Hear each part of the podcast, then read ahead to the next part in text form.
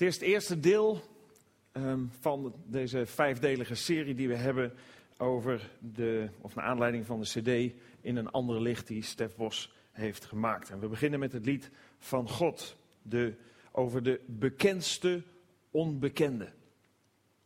Eerst maar even iets over Stef Bos. Stef Bos is uh, geboren in uh, Veenendaal in 1961. Hij is uh, bekende zanger en acteur, bekender van zijn liedjes dan van zijn acteerwerk. Hij heeft um, de leraaropleiding gedaan en is in 84 naar België vertrokken, naar Antwerpen. En heeft daar vier jaar kleinkunst gestudeerd.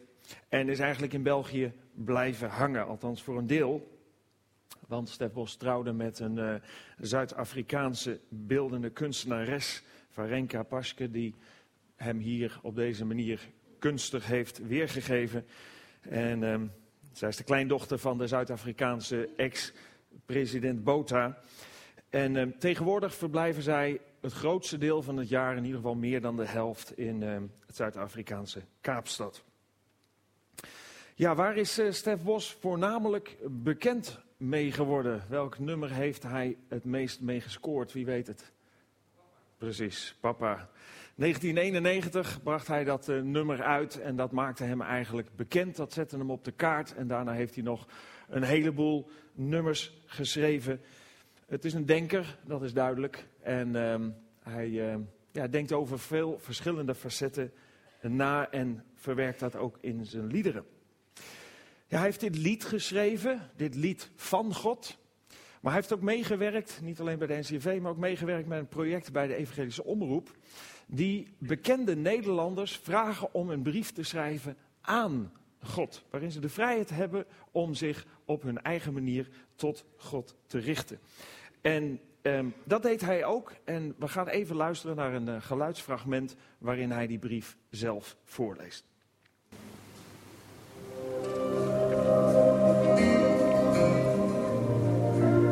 Beste God, laat ik beginnen bij het begin.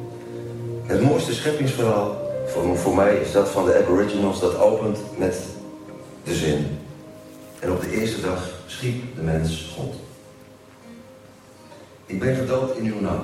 Ik heb met u gepraat toen u klein was voor het slapen gaan. De grote mensen om mij heen leerden dat u liefde was.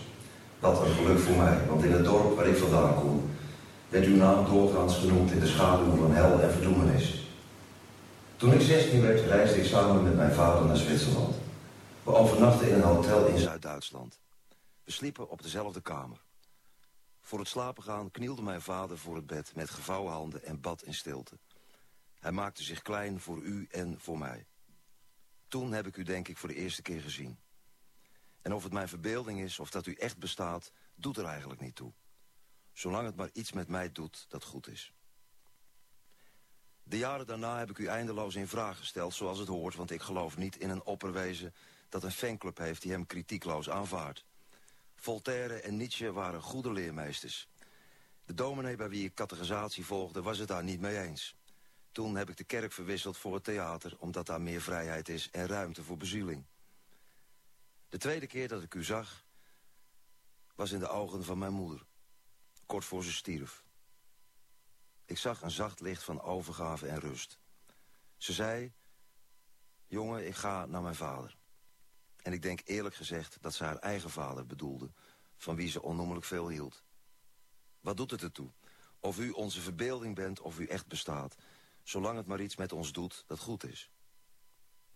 En nu... Nu ben ik eigenlijk niet meer bezig met het zogenaamde godsbewijs. Ik hoop aan het einde van de reis vol overgave en rust uit te kunnen spreken... Ik weet het niet.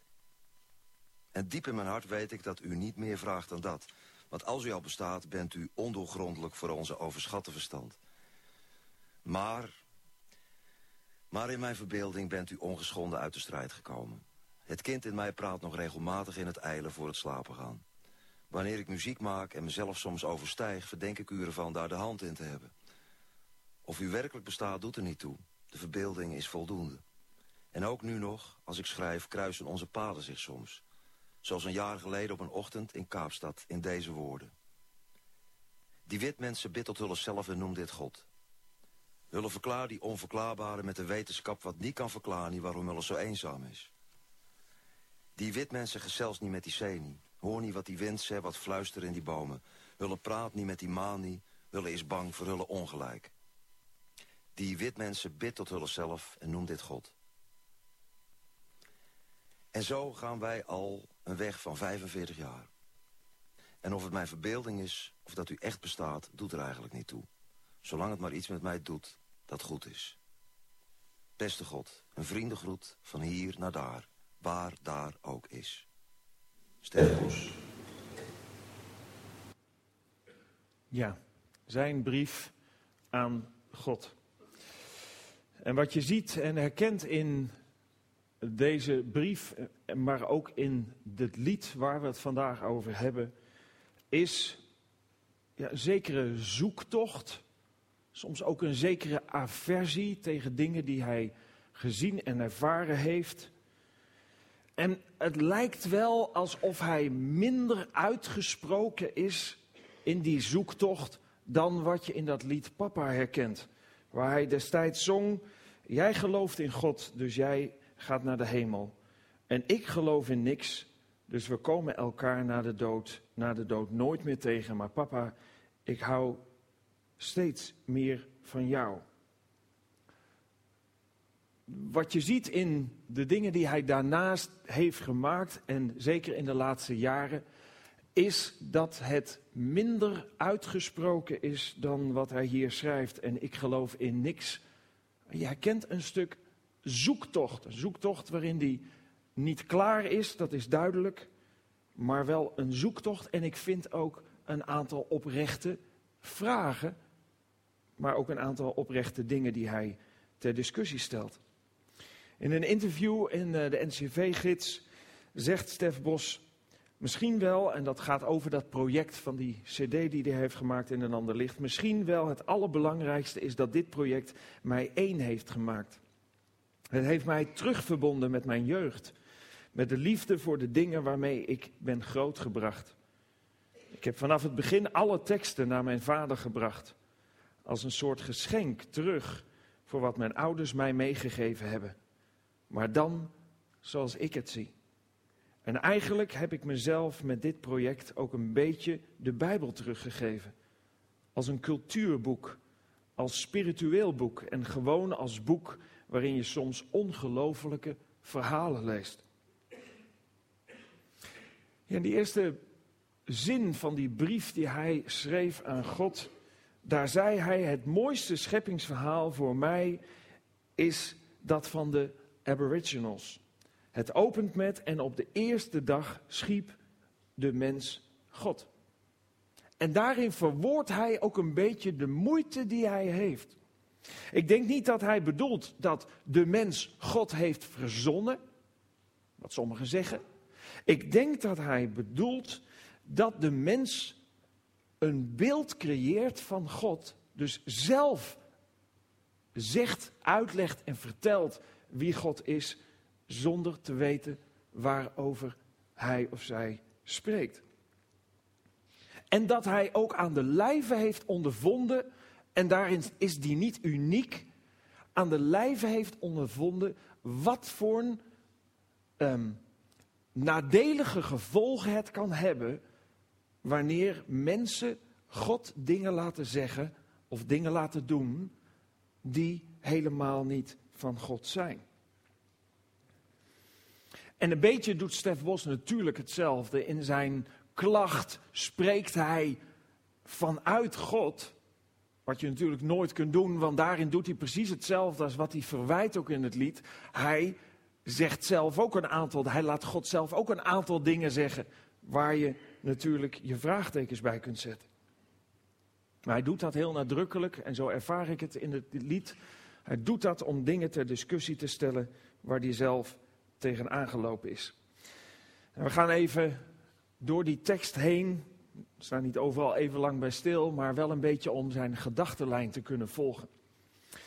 Hij begint met, nu ik terugkijk op mijn leven, en nogmaals, hij spreekt alsof God dit zegt, met nog een eeuwigheid te gaan en ik zie wat voor ellende zich heeft voltrokken in mijn naam, verlang ik terug naar het begin, toen ik door niemand werd herkend.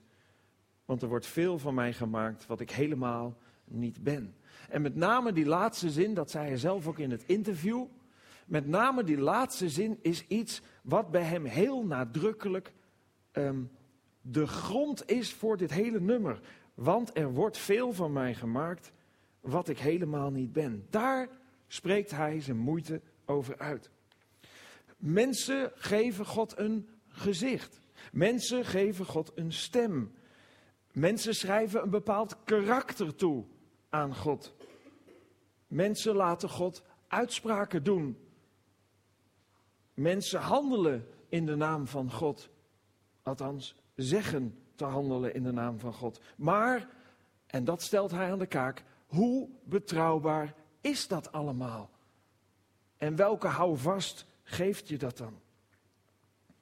En dan gaat hij een aantal dingen noemen. Een aantal dingen gewoon concreet, dat kunnen vragen en opmerkingen en zorgen en frustraties van ons allemaal zijn.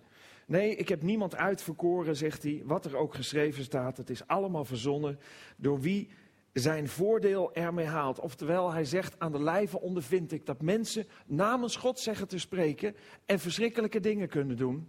Maar wie zijn ze dat ze dat inderdaad kunnen doen? En eigenlijk hoor je Jezus in de tijd dat hij op aarde liep dit aankondigen, dat dit ook daadwerkelijk zou gaan plaatsvinden. Jezus antwoordde hun, staat er, let goed op en laat niemand jullie op een dwaalspoor brengen, want er zullen veel mensen komen die van mijn naam gebruik maken en beweren, ik ben de Christus, of ik ben de uitverkorene, of ik mag spreken namens. Daarmee zullen zij velen op een dwaalspoor brengen. En dan gaat hij verder als hij zingt. En ik heb niets tegen de Joden, het is een volk met veel talent, maar ook zij maken iets van mij waar ik mezelf niet in herken. Dus niet alleen de mensen van de hele wereld, maar hij focust even op de Joden, het volk van God, zoals ze in de Bijbel staan omschreven en zijn. En ook dat herken je in de Bijbel, dat Jezus regelmatig in conflict is met dat Joodse volk, met name met de, met de religieuze leiders van dat volk, omdat ook Jezus tegen hun zegt, jullie maken iets van God en ook van Hemzelf, wat God niet is. God is niet datgene, nee, zoals het laatste regel van dit lied zei, door wie, door wie zijn voordeel eruit haalt. Dat was waar hij hun op aansprak. Jullie doen het alleen maar om jezelf beter te maken, om machten uit te oefenen en noem maar op. En daarmee en daardoor misbruik je de naam van God. En dan gaat hij verder, als ik alles moet geloven wat er van mij wordt gezegd, ben ik heiliger dan heilige, heilig en slechter dan slecht. Ik ben een speelbal in de verbeelding van de mens. Ze maken iets van mij wat ik meestal niet ben. Hoe wordt er over God gesproken? We zagen het in een stukje van Bruce Almighty. En dat is niet mis wat hij daar uitspreekt. Maar er worden verschrikkelijke dingen over en van God gezegd. Hele mooie, maar ook hele verschrikkelijke dingen. Voor de ene is God heilig en de ander vindt God schijnheilig. Voor de ene is God almachtig en voor de ander zegt God is onmachtig. Want hij doet niks aan de situatie hier op aarde. Voor de ene is God rechtvaardig en de ander vindt God zo onrechtvaardig in wat hij doet of wat hij zegt te hebben gedaan in de Bijbel. Door de ene wordt God erkend en door de ander wordt God ontkend. En dan gaat hij lied verder met een opsomming te geven van wat er over God wordt gezegd of wat mensen van God hebben gemaakt. Lees je, ik ben de liefde, wordt gezegd, gewapend tot de tanden, de pispaal voor de een, de richtlijn voor de ander. Ik voel me eenzaam en onzichtbaar, al ben ik ook bekend, er is te veel van mij gemaakt wat ik helemaal niet ben. Nou, is dat nou een verslag van wat God inderdaad zegt? Nee. Het is niet iets wat je in de Bijbel terugvindt als een uitspraak van God. Dit is iets wat Stef Bos gelegd heeft in zijn kijk op de zaak. Maar die laatste regel staat wel nog steeds en is ook waar. Er is van God een heleboel gemaakt wat hij niet is. En daar geeft hij dan nog een, nog een soort van aantal voorbeelden van. Ik ben, de, ik ben de opium voor het volk, door filosofen doodverklaard. En ik heb een plaatsvervanger waar ik nooit om heb gevraagd. Ik ben de, oor, de oorzaak van de oorlog, de schrijver van een boek.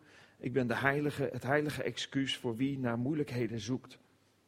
Het opium van het volk, daar duidt hij op de uitspraak van de Duitse denker Karl Marx. Die zei van, ach, alles wat met godsdienst en God te maken heeft, is alleen maar om de mensen te onderdrukken en bezig te houden. Door filosofen doodverklaard. Ik denk dat hij daar duidt op de Duitse filosoof Nietzsche, die in 82 um, zei van God is dood. En je kunt er een t-shirt zelfs van kopen, waar dan gekscherend op de achterkant staat, God zegt Nietzsche is dood. Ja, en dat is zeker waar. En ik heb een plaatsvervanger waar ik nooit om heb gevraagd. Ik denk dat hij daarmee doelt op de paus, die zegt de plaatsvervanger of plaatsbekleder van Christus te zijn. En hij heeft gelijk als hij zegt van waar staat dat dan? Waar staat in de Bijbel dat dat zo is? En zo gaat hij over naar iets van een ander stukje frustratie. Als hij zegt, ik heb meer gevoel voor humor dan de meeste mensen denken. En zij die zeggen mij te volgen nemen alles veel te ernstig. Zelfs dit lied zal vrijwel zeker als blasfemie, als godslasterlijk worden bestempeld. En dan zing ik het ook zelf, dan wordt het nog ontkend alsof ik niet weet wie ik zelf ben. Met name dat eerste stukje zegt iets, en dat zei hij in die brief aan God ook, dat zegt iets over zijn herinneringen, zijn vroegste herinneringen aan, aan de dingen die met God te maken hebben. Een zware kerk, een kerk waar gesproken werd voornamelijk over hel en verdoemenis, waar uh, God geen humor heeft, waar alle dingen, zoals hij zegt, te serieus worden genomen. Dat is niet alleen een ervaring van Stef Bos, dat is een ervaring van ontzettend veel mensen.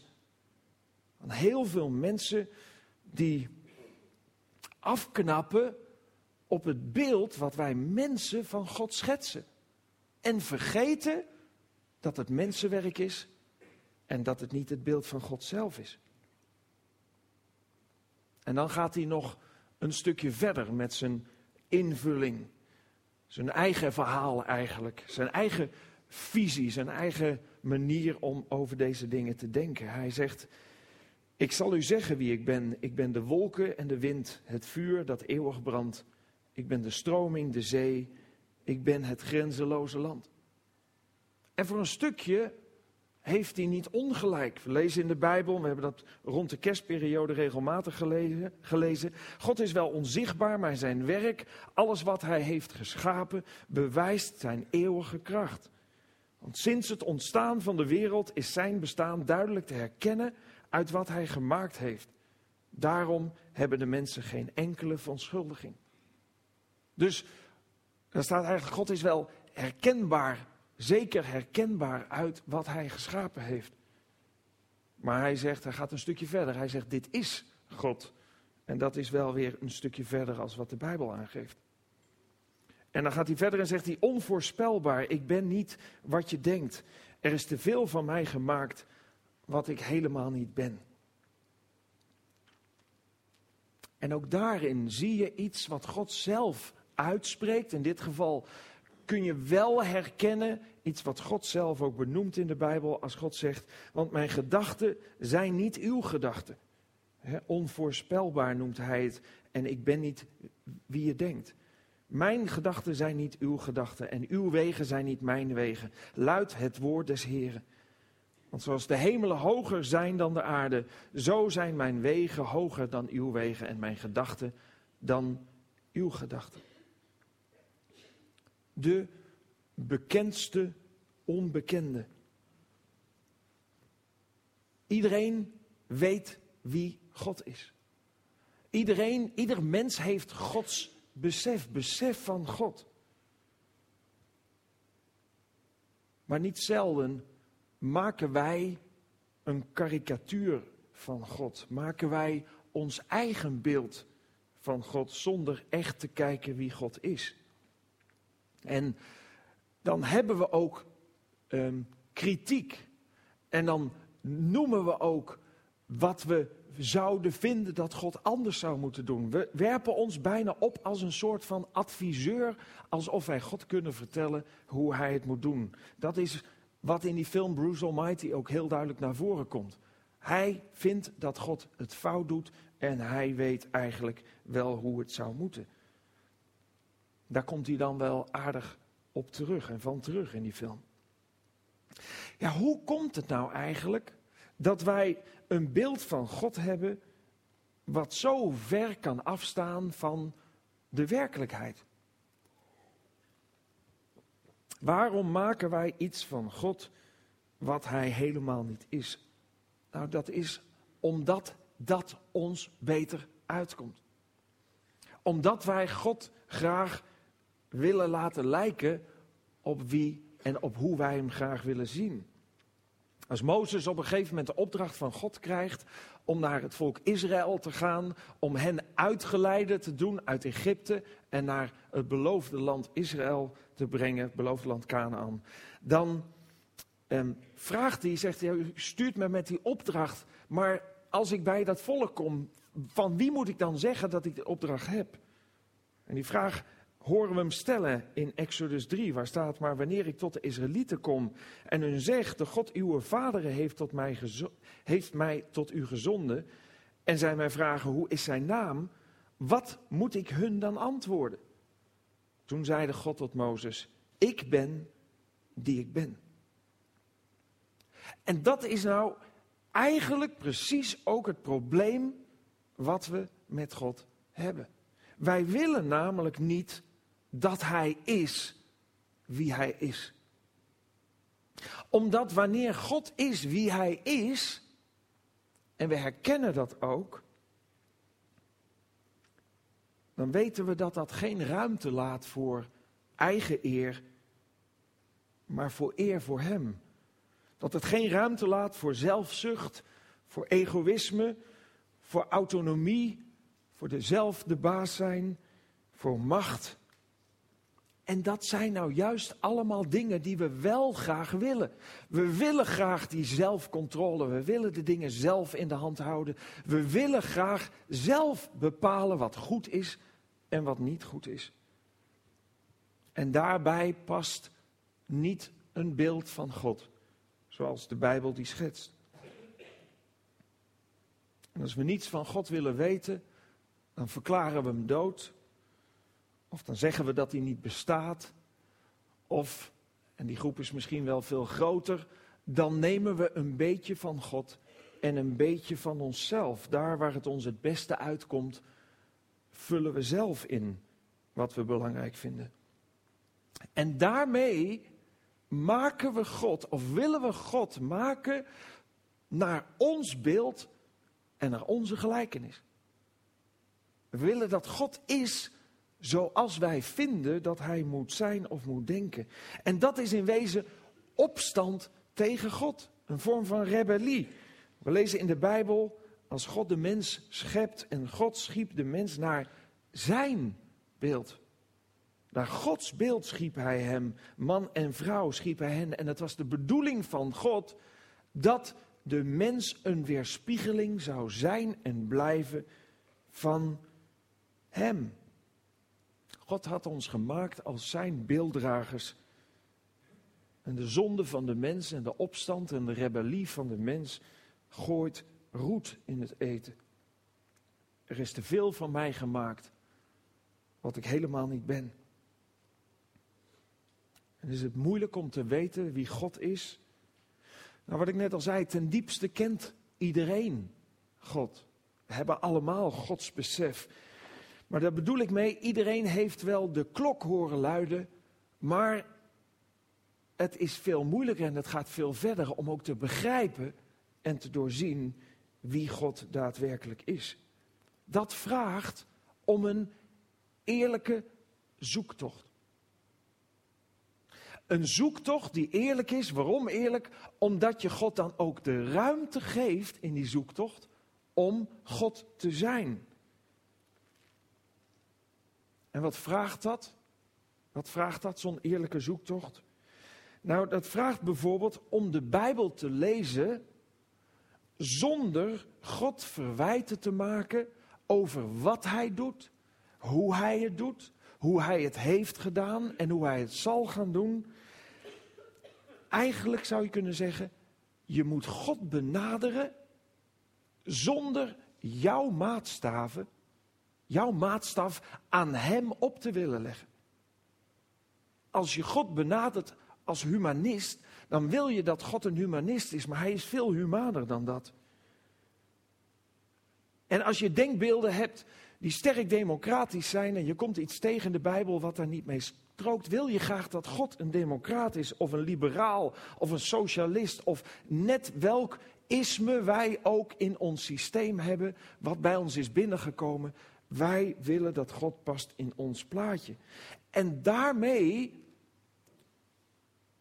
daarmee missen we het doel wat we ten diepste hebben, onze zoektocht naar God, onze zoektocht naar liefde, naar geborgenheid. En dat zie je bij Stef Bos ook. Hij mist door zijn hele opstelling eigenlijk om tot die stap verder te komen, omdat hij wil dat God is zoals hij hem in gedachten heeft. En nogmaals, terecht noemt hij een aantal dingen die niet goed zijn. Maar daarin doet hij eigenlijk ook zelf hetzelfde. Wat moet je dan doen om God te ontdekken? Nou, ik zei het al, on, dan moet je eerlijk de Bijbel lezen. Eigenlijk zou je kunnen zeggen, onbevangen als een kind moet je de Bijbel lezen. Zonder al een heel systeem. En dat is ook wat je herkent in die tekst als Jezus zegt, laat die kinderen toch tot mij komen, houd ze niet tegen, want voor wie zijn zoals zij is het hemelse koninkrijk. Daarmee bedoelde Jezus te zeggen, als je bent als een kind, dat betekent dat je al die ballast niet hebt, al die systemen niet hebt, als je onbevangen bent als een kind en zo God benadert, zo Gods woord benadert, de Bijbel, dan is het een oprechte zoektocht naar wie God daadwerkelijk is. En zul je Hem leren kennen en zul je ontdekken dat ondanks die dingen die misschien wat je tegen de borst stuiten, dat God een God van liefde is. En dat er niet iets is waarvan wij zo gemakkelijk kunnen zeggen, dat doet hij niet goed. Want God is volmaakt in wat hij doet.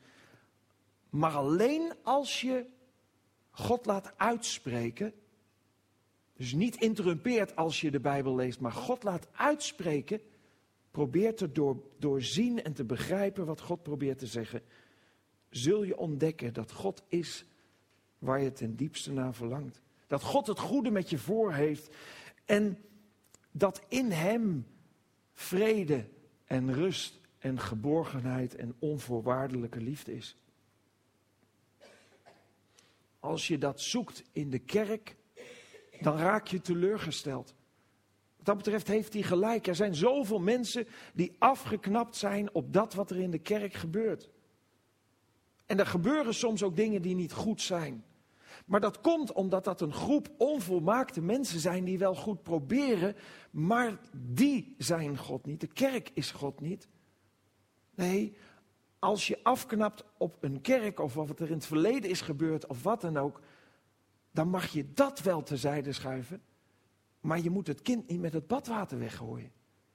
Je moet niet God terzijde schuiven vanwege de onvolmaaktheid van de mens.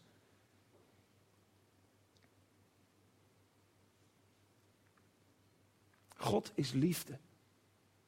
En Gods liefde en Gods waarheid en Gods almacht kun je ontdekken wanneer je eerlijk wilt zoeken. Dan ga je in de Bijbel ook ontdekken dat God zo liefdevol is dat Hij zijn eigen zoon, de Heer Jezus Christus, naar deze aarde heeft gestuurd.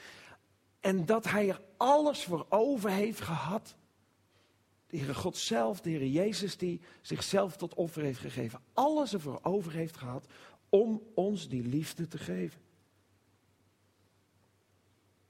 Zodat wij vanuit een herstelde relatie door de Heer Jezus Christus God nog beter kunnen leren kennen. Jezus zei Ik heb hun verteld wie u bent en zal dat blijven doen, dat zei Jezus tegen de Heere God. Want ik wil dat uw liefde voor mij in hen zal zijn. En dat ik zelf ook in hen zal zijn. Waarom? Omdat Jezus de weg, de waarheid en het leven is. En dat hij zegt, er is niets anders wat je naar God kan leiden dan ik alleen. Het ontdekken van wie God echt is, is niet iets van een moment. Dat is iets wat een leven lang doorgaat. Of je nou zoekend bent en tot geloof komt, dan ben je niet klaar met je zoektocht. Het ontdekken van wie God is gaat een leven lang door. Omdat het eigenlijk niet te bevatten is. Zijn grootheid, zijn almacht, maar ook zijn liefde. En steeds weer zul je nieuwe dingen van God ontdekken. En steeds weer zul je je beeld over God moeten bijstellen. Zul je dingen in je leven moeten bijstellen. En hoe meer je ontdekt, hoe mooier God wordt. Hoe liefdevoller God wordt. En hoe meer je vertrouwd zult raken met de manier waarop God zich aan jou en mij bekend wil maken.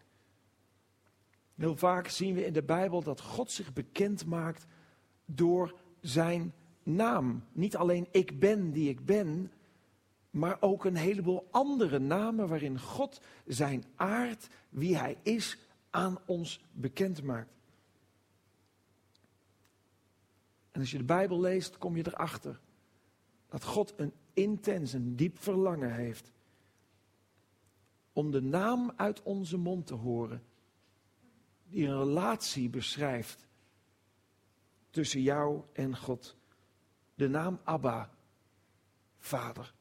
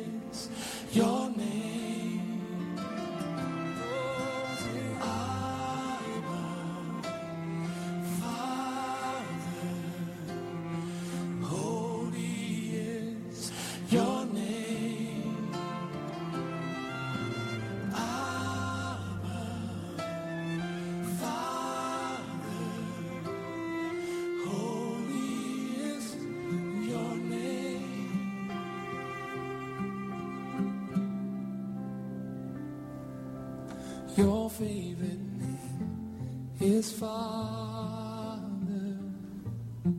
You love to hear your children call. You're there to catch us when we're falling. Your favorite name is Father. Your favorite name is Father.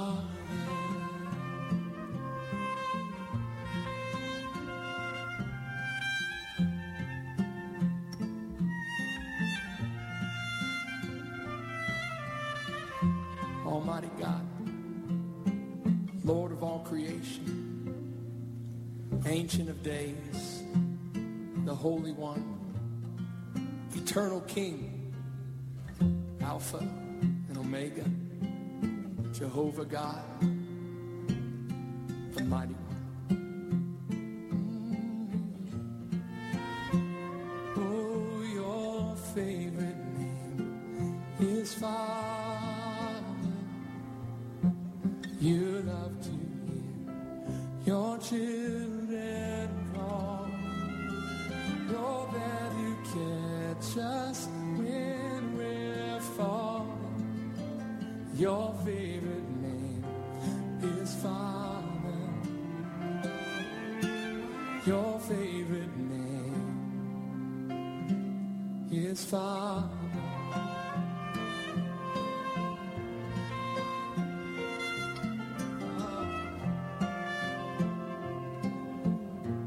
with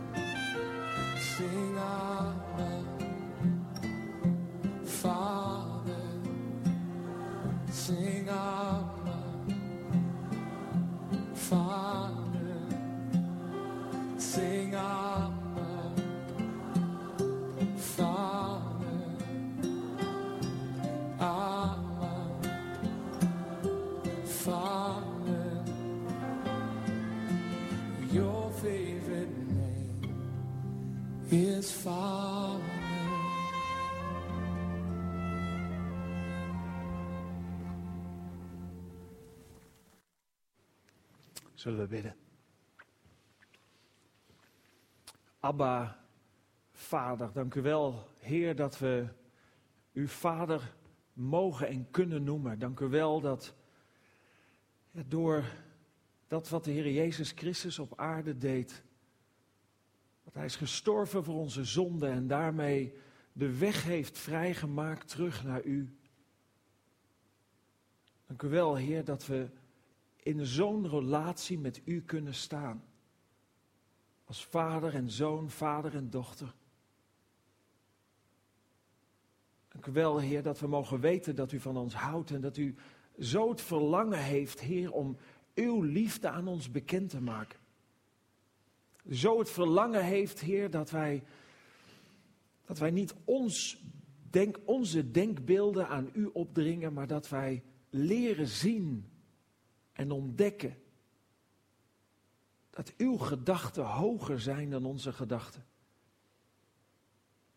En dat u ons niet bepaalde dingen geeft en weergeeft en oplegt omdat u ons wil beperken, maar juist omdat u zoveel van ons houdt. Ik wil u zo bidden, Heer, en u kent ons allemaal zoals we hier zitten. Ik wil u zo bidden of u ons wilt helpen in de zoektocht naar het ontdekken van u. Misschien voor het eerst in ons leven. Misschien zijn we al lang onderweg.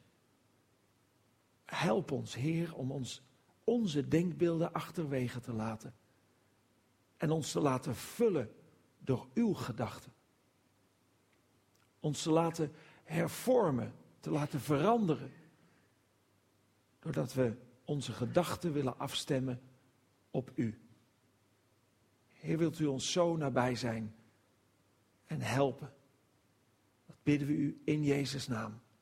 Amen.